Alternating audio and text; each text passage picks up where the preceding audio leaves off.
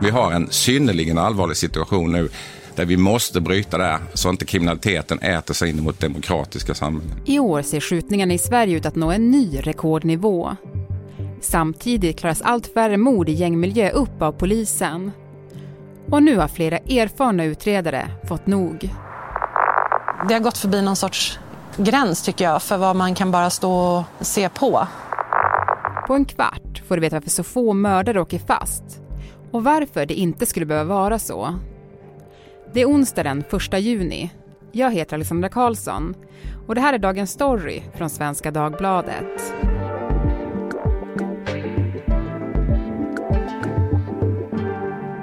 Frida Svensson, granskande reporter här på Svenska Dagbladet. Idag kommer du med en granskning som heter Nödropet inifrån, där flera polisutredare vittnar om varför så få gängmord blir uppklarade i Sverige. Eh, hur började den här granskningen? Ja, den började egentligen med att jag såg ett kort tv-klipp där eh, utredaren Caroline Asplund medverkade i SVT. Eh, och när jag hade sett det så kändes det verkligen som att hon hade mer att berätta.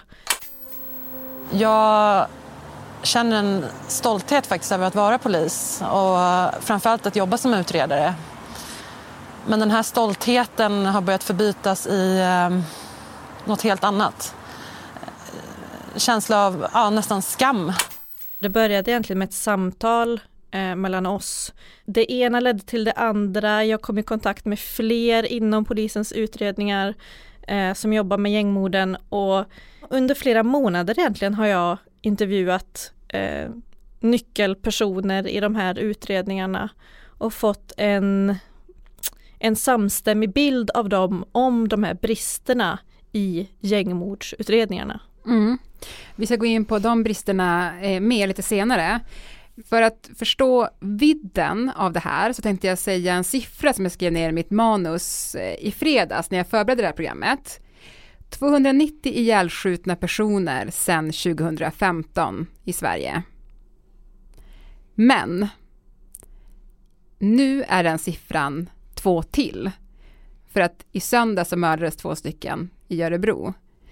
Alltså, det här är verkligen helt sjukt. Även fast jag följer den här frågan så har jag varit tvungen att kontrollera den här siffran flera gånger för vi närmar oss ju 300 dödsoffer i skjutningar sedan 2015 i Sverige. Om man försöker bara föreställa sig 300 människor liksom i en aula som inte längre lever och då ska man också komma ihåg att många av de här är ju unga under 25 år. Det är ju, ja som du säger, det är en otroligt hög och sorglig eh, siffra vi har i Sverige. Mm. Och du kollar ju nu då på själva utredningarna, för att eh, samtidigt som det är så här många skjutningar och så många som skjuts ihjäl, så är det samtidigt ganska få mördarna som åker fast. I, I vissa utsatta områden är uppklarningen så låg som 10 procent. Alltså varför har det blivit så? Ja, man kan ju först då se att vi har ju en, en ökning som har gett ett väldigt allvarligt läge där polisen av det skälet har svårt att tillsätta personal i de här utredningarna som har en specialistkompetens på till exempelvis IT, eh, som har en, en erfarenhet av så här komplexa eh, grova brott. Ehm, det säger sig ju lite självt men det som inte riktigt har kommit fram tidigare som vi nu kan berätta om är ju egentligen hur låg den här kompetensen är och hur illa det faktiskt ser ut inuti de här mordutredningarna. Att det handlar om förundersökningsledare som förväntas utreda och leda då utredningar mot kriminella nätverk som aldrig har jobbat med utredningar tidigare, som har fått sin behörighet efter en 25 dagars kurs eh, som då förväntas leda utredare under sig som i sin tur har väldigt kort och bristfällig eh, erfarenhet. Man ger väldigt många inom polisen alldeles för stora skor som man sen snubblar på. Det är sommaren 2021. Caroline Asplund, utredare vid grova brott på en av Stockholmspolisens mest pressade sektioner, skriver ett mejl. Mottagare är rikspolischefen Anders Thornberg. I ämnesraden knappar hon ner en utredares rop på hjälp.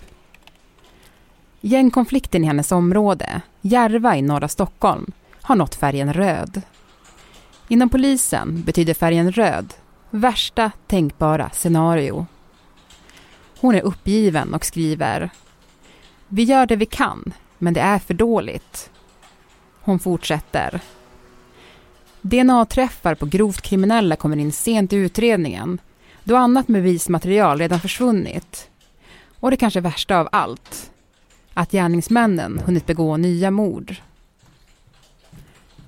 Några veckor senare sker precis det som Caroline Asplund varnat för i mejlet. En ny dödsskjutning sker i området. En av dem som misstänks för det mordet var vid tillfället anhållen i sin frånvaro för ett annat mord som skedde tre månader tidigare.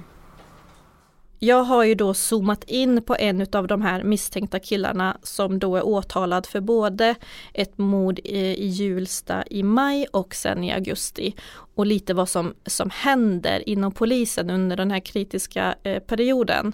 Och då ska man ju ha med sig att det här handlar om en eh, utpekad gängkriminell som har 47 misstankar registrerade på sig sedan 2017 i liksom polisens interna system. Han har blivit delgiven misstanke för grovt vapenbrott, eh, ganska nära in på eh, skjutningen i maj. Och sen då när skjutningen i maj sker så kan man ganska snabbt få fram att i en påse som har hittats kort efter den skjutningen så har han då lämnat flera fingeravtryck och i den här påsen så finns det kläder och handskar som man kopplar ihop till mordet. Det finns även en pistol men fast man, att man får fram de här fingeravtrycken eller DNA på påsen så vill man ha mer att gå på. Man anhåller honom inte utan låter honom liksom löpa fritt. Sen så kan man även knyta kläderna eh, i påsen till honom och han anhålls då i sin frånvaro för mordet i maj. Och bara två dagar efter det så springer polisen på honom strax utanför polishuset faktiskt. Man kontrollerar då honom och trots att han eh, där och då är anhållen i sin frånvaro för mord så plockar polisen inte in honom utan man visiterar honom, man gör en slagning i sina register men får inte upp att han är anhållen i sin frånvaro eh, och låter honom gå. Och två dagar senare skjuts det igen i Hjulsta. Och han grips efter den skjutningen där en man dör och en man överlever fast att han sköts i huvudet. Mm.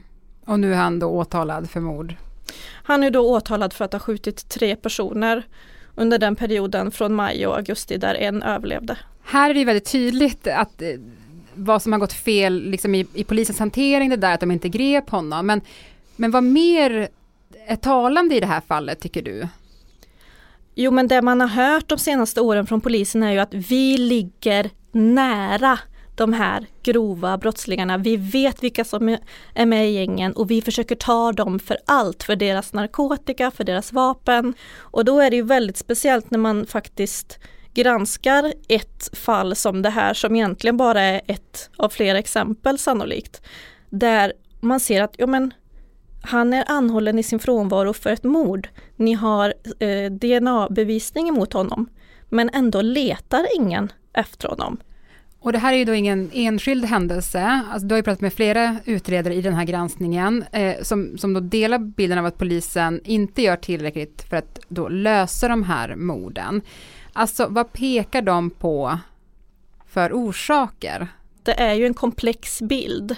Men det som är väldigt tydligt är ju att utredningarna är väldigt ineffektiva, bland annat beroende på de här enorma väntetiderna på att få en IT-analytiker som kan analysera en telefon, på att få kompetenta utredare och spaningsledare och förundersökningsledare.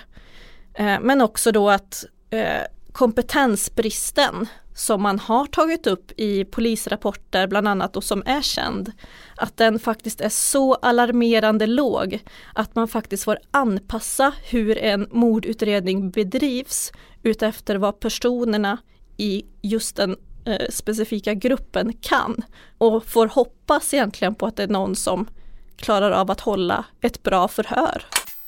Min son kommer vara lika död om det blir en rättegång eller inte. Så på det viset så gör ju inte det någon förändring för mig. Men däremot så undrar jag vad det gör med ett samhälle om människor får gå runt och mörda varann till höger och vänster utan att bli dömda för det. Uppklarningen av gängmorden har sjunkit dramatiskt på 30 år. I särskilt drabbade områden är uppklarningen lägre än 10 procent.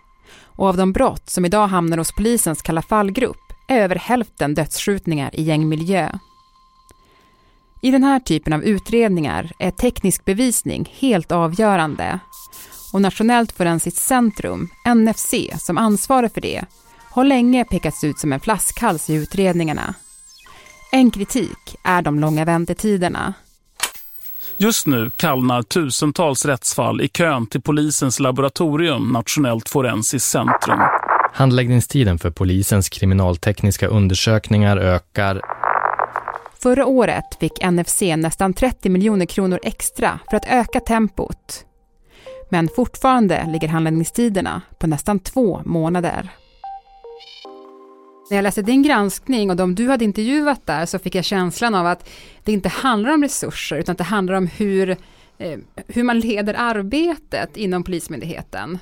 Även fast jag har intervjuat ett stort antal människor med lång erfarenhet inom polisen så är det ju svårt att ge en heltäckande bild.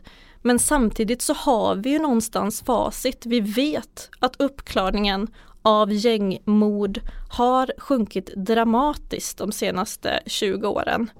Eh, och då måste man ställa sig frågan, vad beror det på? Och inte heller som, som journalist inte nöja sig med de svar som ledningen kommer med, mm. utan försöka gå lite längre. Mm. För vad säger ledningen till exempel? Ja, det, när man lyssnar på intervjuer och, och pratar med Tornberg själv då, eh, Anders Tornberg, rikspolischefen som, som jag, jag intervjuat också, så handlar det väldigt mycket om resurser, att polisen behöver mer resurser. Och så går man till regeringen och så säger justitieminister Morgan Johansson Polisen har aldrig haft så här många resurser. Vi är snart uppe i 40 miljarder. Eh, anslagen har ökat väldigt kraftigt senaste åren. Och då som medborgare kan man ju ställa sig frågan vad får man för, för pengarna? Och frågar man mammorna och papporna i Järva så frågar ju de sig varför går skyttarna fria? Och då är ju det som, som reporter känner jag ett jätteviktigt uppdrag att försöka gå till botten med den frågan om, om, man ändå vet om det här och att, att folk har larmat inifrån polisen om, om att det ser ut så här och man vet den låga uppklarningsprocenten. Varför gör man ingenting åt det från polisledningens håll till exempel?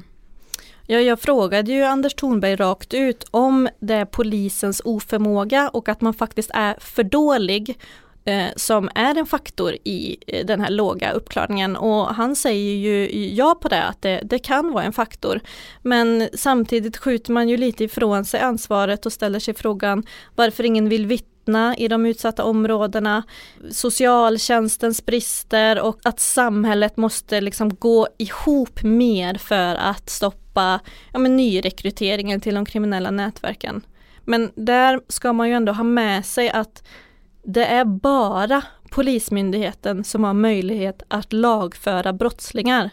Den uppgiften kan man inte lägga ut på någon annan. Att kritisera Polismyndigheten inifrån, det brukar ju inte vara jättepopulärt. Eh, men i din granskning har ju ändå flera eh, vågat göra det. Varför gör de det just nu? Frustrationen att man inte kan göra bättre. Eh, den, den, den, har nått en sån nivå att, att jag tror att man verkligen känner att nu, nu behöver vi larma och även, även kritisera oss själva. Eh, ta ett ansvar helt enkelt. De är ju väldigt modiga de som har klivit ut i den här granskningen.